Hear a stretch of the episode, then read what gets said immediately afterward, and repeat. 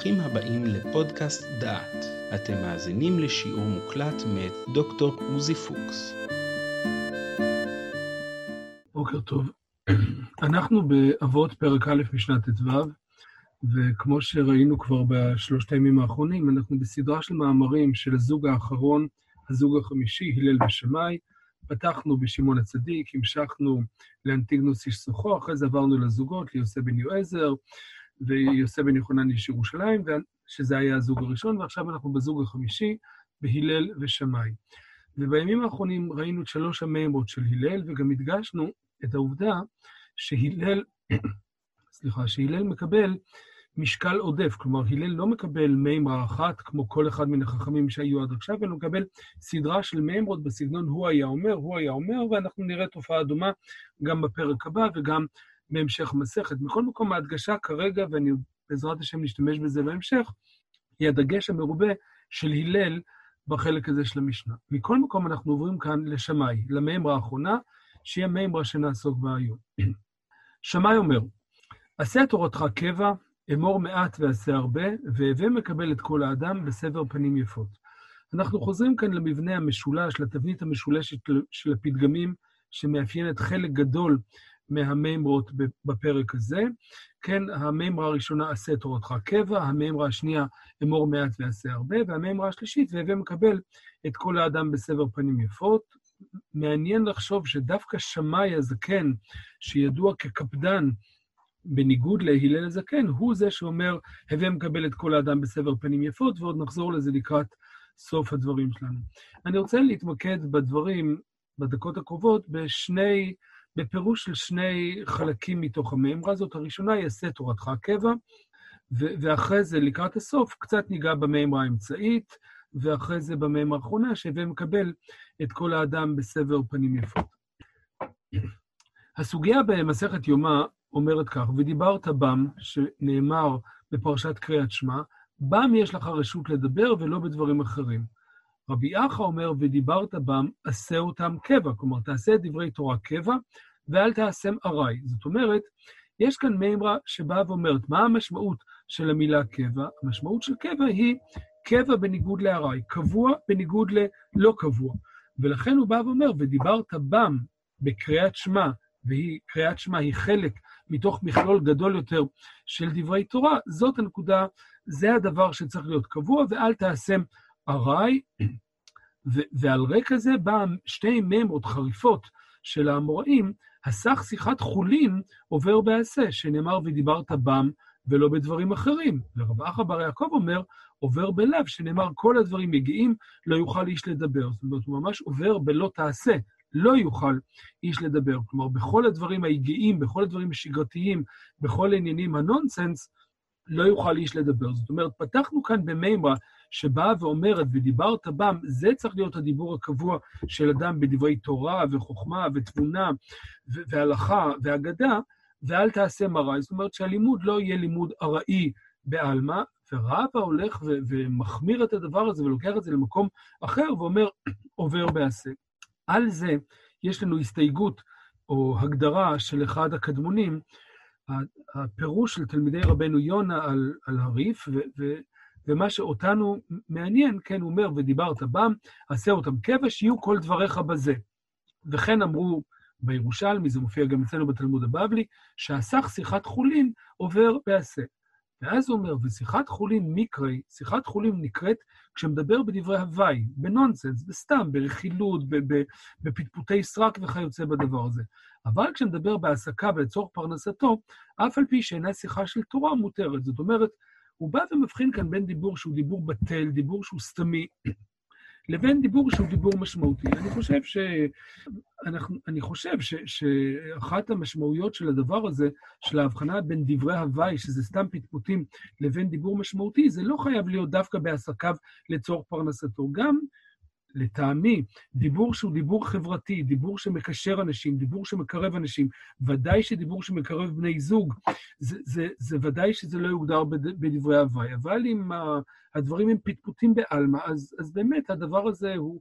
הוא אומר, יש בדבר הזה מצוות עשה, כי התורה אומרת, ודיברת בם, כוח הדיבור ניתן לנו בשביל דברי תורה ולא בשביל דברים בטלים ודברי הוואי. הפירושים מכאן ואילך, שניים שלושה פירושים שניגע בהם, עוסקים כאן בעניין של, של מה המשמעות של, של עשה תורתך הקבע, ואני אבקש להראות כאן, לפחות בשקופית הזאת והבאה, איזושהי ניואנס שונה בין, בין שני, שני פירושים של העניין הזה. שמאי אומר, כן, פירוש שמופיע במסכת אבות, סליחה, פירוש למסכת אבות שמופיע באחד החיבורים הקדמונים מבית מדרשו של רש"י, כנראה חכם בן זמנו של רש"י, רבי יעקב בן שמשון, שמפרש את המסכת כך. שמאי אומר, עשה תורתך קבע, עשה לך, עשה לך, עשה לך, עשה לך עיתים לתורה, וקבע לך זמן ללמוד תורה, ויתבטל מעסקיך, שאם אי אתה עושה כן מתוך תירוד עסקיך, אתה מתבטל ונואש מן התורה. הוא בא ואומר כאן אמירה שהיא אמירה דרמטית באיזושהי צורה. עשה תורתך קבע, עשה לך עיתים לתורה, וקבע לך זמן ללימוד תורה. הוא בא ואומר, כולנו יודעים ש, שהיום של אנשים במהלך שגרה, הימים נגמרים, כן, הימים, לא אמרנו ג'ק רובינזון ופתאום היום נגמר ולא הספקנו לעשות חצי מהדברים ש, שתכננו לעשות. הוא בא ואומר, עשה לך עיתים לתורה, אם תקבע לך ב, ב, ב, בלוח השנה, אם תקבע לך ב, במערכת שבין השעה הזאת לבין השעה הזאת, תעשה לך עיתים לתורה, אז זה דבר שהוא דבר בעל משמעות, ואז תצליח לעשות, ואז בזמן הזה תתבטל מעסקיך. שאם אי אתה עושה כן, מתוך תירוד עסקיך, מתוך השגרה, מתוך השטף היומיומי, לא תשים לב, היום ייגמר ובסופו של דבר לא, לא, לא, לא תלמד תורה, וזה כמובן שזה דבר פשוט ו- ו- וברור, כן, כולנו יודעים, מה שלא נכנס בצורה מסודרת לתוך המערכת שלנו, לא תמיד אנחנו מצליחים לייחד לו זמן, והשגרה שוטפת את הכל. זה עניין אחד. עשה לך עיתים לתורה וקבע, כלומר, עשה את תורתך קבע במובן של תקבע עיתים לתורה. והוא מפרש את זה על פי גמרא מאוד ידועה, שכשאדם מגיע לבית דין של מעלה, שואלים אותו כמה שאלות, אחת מהן היא, קבעת עיתים לתורה? וכך הוא מפרש. קבע, כמו שיתבעו לדין העתיד לפני מי שאמר והיה העולם, קבעת עיתים לתורה? ואז הוא מפרש את המילה קבע עשה תורתך קבע, כמו לקבוע עיתים לתורה, והוא גם באמת נותן עצה טובה. תכניס את זה לסדר היום, תקבע לך מראש זמן ללמוד תורה, ובזמן הזה תפנה את העסקים האחרים, כי אחרת לא תצליח לעמוד ב, ב, במשימה היומיומית הזאת. והוא ממשיך, סליחה, פירוש אחר, גם כן פירוש פחות או יותר בין זמנו של רש"י, אבל במובן מסוים הוא הולך כאן למהלך הפוך. עשה תורתך קבע, שלא תהיה קובע עיתים לתורה, אלא כל היום תעשינה עליך קבע.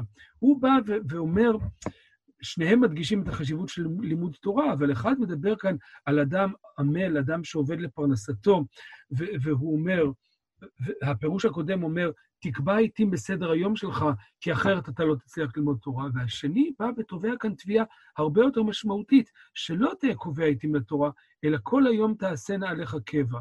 והמפרשים מפרשים שהמשמעות של כל היום תעשינה קבע היא לא בהכרח שלא תעבוד, שהרי אדם צריך להתפרנס מאיזשהו משהו, אלא שבמובן הפנימי, במובן הנפשי, זה יהיה עיקר הקביעות של האדם. כלומר, זה הדבר המשמעותי. כלומר, אם הפירוש הקודם בא ואמר, הבסיס של האדם הוא העבודה שלו, הפרנסה שלו, והוא צריך לקחת ולקבוע זמן בתוך המערכת שלו כדי ללמוד תורה, הרי שכאן העמדה הנפשית היא עמדה נפשית הפוכה.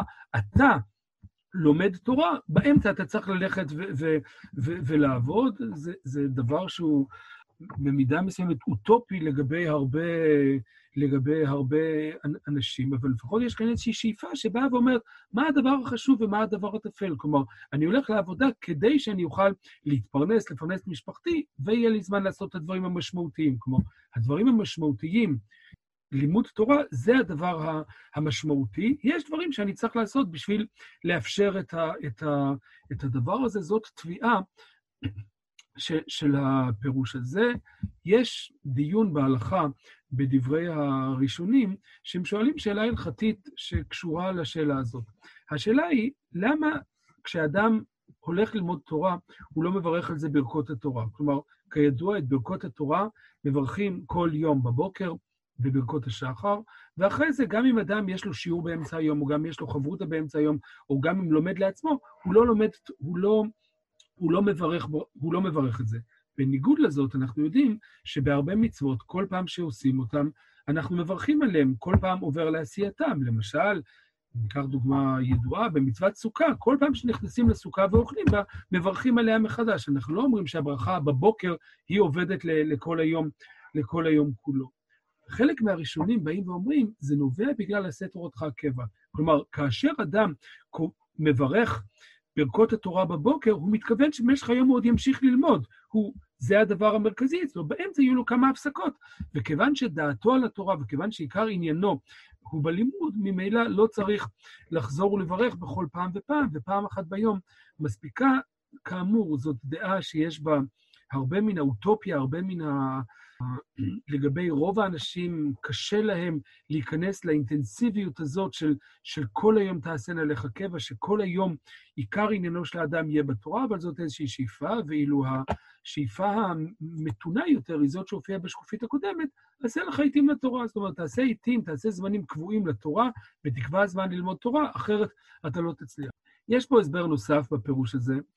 תקבע לך עיתים ללמוד בכל יום ארבעה פרקים או חמישה. כלומר, כמו שהפירוש הקודם, בשקופית הקודמת, מדבר על זמן קבוע, כאן הוא מדבר פה על, על זמנים קבועים לדברים קבועים. זאת אומרת, אם אדם יודע שבכל יום הוא לומד ארבעה פרקי משניות, חמישה פרקי משנה, הוא קורא שני פרקי תנ"ך, הוא קורא משנה אחת, הוא לומד דף יומי וכולי, יש לו כאן איזושהי קביעות, והדבר הזה הופך מלימוד שהוא לימוד ארעי לאיזשהו לימוד שהוא לימוד שיטתי ומסודר, או בלשונו, לימוד קבוע.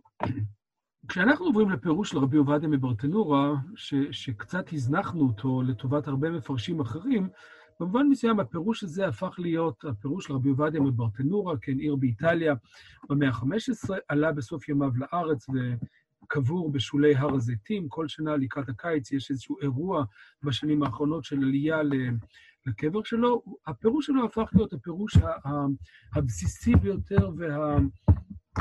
והמפורסם ביותר למשנה. בשנים האחרונות, אפילו לפירושים של, של מהדורת קהתי, בחלק מהמהדורות הוסיפו גם את פירוש רבי עובדיה מברטנורה, כי אומרים, אי אפשר לקרוא משנה בלי לקרוא את פירוש ברטנורה, ובואו נקרא אותו. הוא מדבר כאן על, על כל ההיבטים של המשנה, ו- ואחרי זה נחזור כאן לעשה תורתך קבע לעוד שתי וריאציות ונמשיך להמשך. עשה תורתך קבע, אומר הברטנורה, שיהיה עיקר עסקך ביום ובלילה בתורה, וכשתהיה יגיע מן הלימוד תעשה מלאכה, ולא שיהיה עיקר עסקך במלאכה, וכשתיפנה מן המלאכה תעסוק בתורה. כלומר, הוא בא ואומר, עשה תורתך קבע, בא להגיד את סדרי העדיפויות, ובמובן הזה הוא דומה לפירוש השני שקראנו, כלומר, הפירוש הזה, ופחות דומה לפירוש הראשון שקראנו, כלומר, הפירוש הזה של רק קביעת עיתים לתורה. והוא ממשיך. אמור מעט ועשה הרבה. ואז הוא נותן את הדוגמה הידועה, כמו שמצינו באברהם אבינו עליו השלום, שאמר תחילה ואקחה פת לחם, ובסוף ויקח בן בקר רך וטוב. זאת אומרת, אברהם אבינו אמר מעט, ואקחה פת לחם, וסעדו וכולי, ואילו בסוף עשה להם סעודה גדולה ו- ו- ושמנה. ו- וחלק מהמפרשים אומרים, וכידוע זה גם מופיע בדברי רש"י על התורה, שזה בניגוד לעפרון, שעפרון הציע לאברהם אבינו את מערת המכפלה ב- בחינם, ובסוף לקח ממנו 400 כסף, שקל כסף עובר לסוחר, וזה באמת האחד מדבר הרבה ועושה מעט, ואילו השני, בדיוק להפך, אומר מעט ועושה הרבה, ובהחלט זה, זה, זאת המלצה פשוטה וחשובה, והמלצה פשוטה וחשובה. והווה מקבל את כל האדם, הוא מפרש את זה כאן באיזושהי צורה, ואני אחזור לזה בהמשך, ואז הוא אומר כאן הערה שהיא הערה מעניינת. שלוש אזהרות הזהיר שמאי כנגד שלוש מעלות שהזכיר ירמיהו. חכם, גיבור ועשיר. כן, הנביא אומר, על יתעלה לחכם בחוכמתו ועל יתעלה לגיבור בגבורתו וכולי, ואז הוא אומר, כנגד החכם אמר, עשה תורתך קבע. כנגד השיר אמר, אמור מעט ועשה הרבה. אני מניח שהוא מדבר כאן על צדקה, או אולי על פעילות עסקית, תדבר מעט ותעשה הרבה. כנגד גיבור אמר, הווה מקבל את כל אדם בסבר פנים יפות, שיכבוש יצרו וילחום כנגד ליבו הרע. כלומר, גם אם אתה כועס על אדם, גם אם אתה, אין לך סבלנות לקבל אדם, תכבוש את, את יצרך, ו, ואלה שלוש המימות הללו. אז אם נשים לב, הוא מפרש כאן את כל אחת מהמימות, ומנסה גם לעשות סדר, או לתת כאן מבנה, למה יש לנו כאן שלוש מימות בעניין הזה. הביטוי עשה תורתך קבע הופך להיות גם המלצה וגם, וגם הופך להיות באיזשהו שלב לפתגם, ומשתמשים בו בהרבה מאוד הקשרים שונים. כך למשל, בחיבור שנתפס בסוף המאה שעברה, חיבור של הרב אהרון עזריאל, איש, באיזשהו שלב איש ירושלים, uh, הוא במשך חייו הוא נוסע לחוץ, לחוץ לארץ כמה פעמים בכמה עניינים, והוא כותב לבן שלו איזשהו, איזושהי, איזושהי, לא צוואה במובן שהוא הולך למות, אבל, אבל ציווי, כן, נותן לו, נותן לו המלצות איך, ל, ל, איך להתגדל ואיך ללמוד. מדובר על הבן שלו, הבן שלו צעיר מאוד, נשוי כבר, והוא נותן לו המלצות לחיים. אני, מי שיכול להגיע לספר הזה, אוזן אהרון, לפתיחה מוסר אב, אני מניח שאפשר למצוא את זה גם ברשת, יש שם הקדמה מרתקת על העניין הזה. ואז הוא נותן לו כאן עצה בדבר הזה. עשה תורתך קבע, אבל הוא מדבר כאן ליהודי שעומד להיות תלמיד חכם, בעיון התלמוד ופירושי הראשונים, בכון בהם ועמק בדבריהם. ולא במרוצה, כי כל דבריהם בדקדוק גדול, מעטי הכמות ורבי האיכות, כמה פנים וכמה פנים לפנים הנראים. זאת אומרת, מה שנראה הוא רק הקצה העליון, וכשתעמיק בדבר הזה, או כשהוא אומר, תקבע את תורתך, הקבע הופך פה לעשות את זה ברצינות. עשה תורתך קבע, אל תלמד ברפרוף, אל תלמד את זה בדרך ארעי, במובן של במרוצה, אלא תעשה את הדברים ברצינות, תעשה את זה בעיון, תעשה את זה, תלמד לעומק את הדברים. ואז הוא נותן, את ה... נותן כאן עצה, זכור תזכור, כשלמדת לפניי, כלומר, כשלמדנו ביחד ולימדתי אותך, הראיתיך בעיניך כמה מהעומק בדבריהם ז"ל. ובכל פעם ופעם שחזרנו על דבריהם, השגת מה שלא הבנת בפעם הראשונה, וכן בשנייה וכן בשלישית. כל היד המרבה לבדוק בדבריהם, ימצא טוב טעם ו- ודעת וכך יטעם צוף, דבש אמרי נועם, ותכלית העניין, כי האלו הם נדפים רק שעות. כלומר, הוא בא ואומר, השאלה היא לא כמה תספיק ובאיזה מהירות תתנפל על כמה הרבה דפים הצלחת ללמוד, כן, ההספק הוא לא הדבר המשמעותי, אלא הקביעות של העיון, ההבנה והעמקה של הדברים. אז המשפט הזה, עשה תורתך קבע, עשה תורתך קבע הופך כאן להיות לא על זמן ביום ולא לדברים ש, שלומדים אותם, איזה לימודים תלמד ביום, אלא לאופי הלימוד. הלימוד צריך להיות קבוע, הלימוד צריך להיות רציני ולא מלמעלה מרפרף ו, ו, ולא מבין ומתעמק ב, ב, בדברים. אני רוצה לסיים את המהלך הזה בקטע מתוך דברים של רבי נחמן מברסלב, קטע מאוד, מאוד יפה בעיניי, וגם עצה שהיא עצה... מאוד משמעותי. שמעתי בשמו של רבי נחמן, כך כותב רבי נתן התלמיד שלו, שמעתי בשמו שהוכיח את אחד שאמר לו שאין לו פנאי ללמוד, מחמד שעוסק במשא ומתן. כלומר, אין לו זמן ללמוד תורה. אמר שאף על פי כן ראוי לו לחטוף איזה זמן לעסוק בתורה בכל יום, ואמר שזהו מה שאמרו רז"ל, ששואלים את האדם, קבעת עתים לתורה. ואז הוא אומר, מה זה קבעת? קבע הוא לשון גזלה, כמו שכתוב, וקבע את קובעיהם נפש. אל תגזול דל, כי מי שיגזול דל, הקדוש ברוך הוא יקבע את קובעיהם נפש. היינו, ששואלים את האדם אם גזל מן הזמן שהוא טרוד בעסקיו, אם גזלת מהם עיתים לתורה, כי צריך האדם לחטוף ולגזול עיתים לתורה מתוך הטרדה והעסק. בניגוד לדעה האוטופית, או בניגוד לדעות אוטופיות שהרמב"ם מזכיר אותן, שראינו אותן קודם, שתורתו תהיה קבע במובן שכל כולו של האדם יהיה בראש ובראשונה בתורה, ומדי פעם, כשהוא עייף מהתורה, הוא יעסוק בעסק, שזה בוודאי מדרגה גדולה וגבוהה, אבל היא לאנשים מיוחדים עם היכולות הללו. רבי נחמן מדבר פה לאנשים הרגילים, לאנשים שעסוקים בעבודה, בטרדה שלהם, אבל הוא בא ואומר, אין לאדם תירוץ בזה שהוא טרוד, כמה שהוא לא יהיה טרוד, שהוא לא, שהוא לא, שהוא לא ילמד איזשהו משהו. ואז הוא בא ואומר, אדם צריך לחטוף ולגזול עיתים לתורה. כלומר, אדם צריך למצוא את המקומות שבהם הוא, הוא, הוא לומד תורה. אז יש כאן במובן מסוים אה, אה, פרשנויות הפוכות מן הקצה אל הקצה. בראשונה ראינו בראשונה, בדעה הראשונה ראינו ש, ש, שאדם צריך לעשות את תורתו קבע ודברים אחרים לעשות בדרך הרי.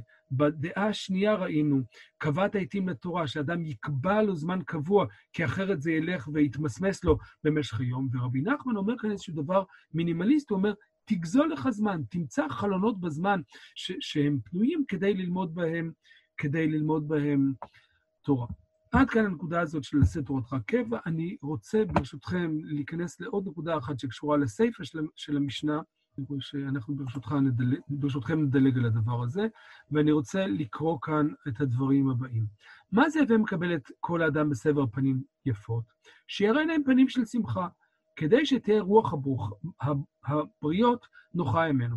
פירוש אחר, והווה מקבל כל אדם, שיתרחק ממידת הכעס, שהיא מידה רעה עד מאוד, וינהג עצמו במידת הרצון, על דרך שיהיו מרוצים ממנו בני אדם נאה ומקובלת. כלומר, כשאדם כועס על כולם, אנשים לא ממש מתחברים אליו. קשה לקבל אדם שכועס לכל עבר.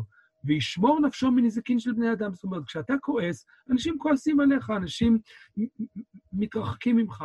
כי המראה להם פנים של זעם ישנאו ויבקשו להרע לו, כן? כמים הפנים לפנים, אתה מחייך לאדם, הוא מחייך אליך, אתה לא מחייך לאדם, הוא לא מחייך אליך וכולי, וזה בוודאי פירוש טוב ויפה. הווה מקבל את כל האדם בסבר פנים יפות. ובאמת, אם אני חוזר לרגע לרישה של, של הדברים, למימרה עצמה, יש כאן איזשהו מתח ש, שדיברנו עליו אתמול ועוד נדבר עליו, איזשהו מתח דיאלקטי. מי שאומר, עשה תורתך קבע, אמור מעט ועשה הרבה, אני מצליח לחשוב על טיפוס אישיות של אדם שהוא טרוד כל הזמן ב, ב, בתורתו, שהוא לא פנוי לדברים אחרים. הוא גם לא מדבר הרבה, הוא יכול להיות שהוא לא מאוד חברותי, או אנשים יכולים לפרש את זה שהוא לא מאוד חברותי, כי הוא מדבר מעט מאוד, וחברותיות יש בה הרבה מן השיחה. ודווקא על רקע זה בא השמאי ואומר, אמנם אדם צריך לעשות תורתו קבע, והוא צריך לדבר מעט, בכל זאת הווה מקבל את כל האדם בסבר פנים יפות. זאת אומרת, אל תהפוך שהרצינות שלך, שהקביעות שלך בלימוד, שהדיבור המועט שלך,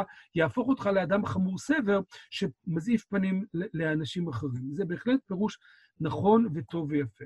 אבל הרשב"ץ, רבי שמעון בן צמח מדורן, שהזכרנו אותו, ובעזרת השם עוד נעסוק בו בעזרת השם, מזכיר את הפירוש של רבנו יונה שראינו לפני כן, שיקבל את כל האדם ויבטל רצונו מפני רצונם, כדי שיהיה אהוב לבויות. ואז הוא בא ושואל, ושמאי הזקן, למה לא היה מוכיח את עצמו בזה? שהרי היה קפדן, כמו שהזכירו בגמרא במסכת שבת. כשהגמרא במסכת שבת מספרת את הסיפור הנודע על הגר שבא להתגייר, והוא בא לשמאי הזקן ואמר לו שילמד אותו את כל התורה על רגל אחת, הוא מקפיד עליו והוא מגרש אותו ממנו, הוא דוחף אותו באמת הבניין. ורק כשהוא מגיע להלל הזקן, הלל הזקן מאיר לו פנים. אז אם שמאי הזקן אומר את הממרה הזאת, הווה מקבל את כל האדם בסבר הפנים יפות, כמו שרבנו יונה פירש את זה, אז למה שמאי הזקן לא עשה את הדבר הזה, שהרי הוא היה קפדן? ולכן הוא מפרש את זה בכיוון אחר. והפירוש הנכון הוא שהוא סמוך למה שלפניו, שאם יכניס אורחים בתוך ביתו, יאמר מעט ויעשה הרבה, וכמובן שהתקדים הוא אברהם אבינו, שבהכנסת האורחים שלו אמר מעט ועשה הרבה, ויקבלם בסבר פנים יפות. שאם ייתן להם בפנים כבושות בקרקע, יתביישו. כלומר, יכול לבוא אליך מישהו עני, או מישהו צריך לאכול אצלך, ואתה נותן לו משהו בסבר פנים כבושות בקרקע, כן? ואז הם יתביישו, וכשהם יתביישו זה לא זה. וכן אמרו חכמים, אם נתן ופניו כבושות בקרקע, כאילו לא נתן. אבל המקבל את העניים, את המסכנים, בסבר פנים יפות, אפילו לא נתן כלום, מעלים עליו כאילו נתן כל, כל מתנות שבעולם. להאיר פנים לאדם שצריך, הוא לפעמים הרבה יותר מאשר לעזור לו בדברים אחרים. בנקודה אחת אני רוצה לפרש בשונה מן הרשב"ץ. הרשב"ץ בא ואומר שהרעיון ש, שאדם יאיר פנים לכל אדם אינו מעניין של מעלה, ניסיתי לפני שנייה לבוא ולהגיד, זה בהחלט מעניין של מעלה, אבל זה בא כאן בהקשר שהוא הקשר ניגודי. אני רוצה ברשותכם לסכם את הדברים. ראינו את, ה, את המשנה הזאת, ביקשתי להציע ש, שבניגוד לשתי הממרות הראשונות שעשויות ליצור אדם חמור סבר, הרי ששמאי אומר, למרות שאתה רציני מאוד, למרות שאתה טרוד בתורה, למרות שאתה אומר מעט, הווה מקבל את כל אדם בסבר פנים יפות. יחד עם זה ראינו שהרשב"ץ לא מקבל את הפירוש הזה, והוא אומר פירוש שהוא בוודאי גם כן נכון, מקבל את כל האדם בקונטקסט של קבלת אורחים בסבר פנים יפות. זה עניין אחד. אחרי זה, או בהתחלה, התמקדנו בעיקר בעשה תורתך קבע, וראינו שיש כאן שלוש תפיסות ביחס לקביעות של התורה. אחת באה ואומרת, עשה תורתך קבע, זה עיקר עיסוקך, זה עיקר עניינך, כל השאר זה הערות שוליים לדבר המרכזי שאתה עושה. ויש אנשים כאלה, ברוך השם, יש אנשים שבאמת הדברים החשובים זה הדבר המרכזי בחייהם, וכל השאר זה, זה, זה רק בא לסייע להם בשביל לעשות את הדבר הזה. רוב האנשים לא יכולים לעמוד במתח הלימודי והדתי הזה, והם מסתפקים בקביעת עיתים לתורה. זאת אומרת, בזה שאדם, למרות שהוא טרוד, למרות שיום העבודה שלו הוא מלא וגדוש, עושה לעצמו זמנים ומפנה לעצמו זמנים וקובע לו ביום, ביום העבודה שלו זמן שבהם הוא לא עובד ובהם הוא יכול לשבת וללמוד. והפירוש האחרון, המינימליסטי, הוא זה של רבי נחמן מברסלב, שמפרש את המילה קבעת, קבע לא במובן הפשוט שלו, אלא במובן שגם מופיע בעברית של לגזול, ואז הוא אומר, תגזול זמן לתורה. כלומר, גם אם אתה טרוד עד מעבר לראש, אדם חייב לגזול לו זמן מכאן ומשם כדי ללמוד תורה. אלה חלק מהפירושים של המשנה הזאת. תודה רבה ויום טוב.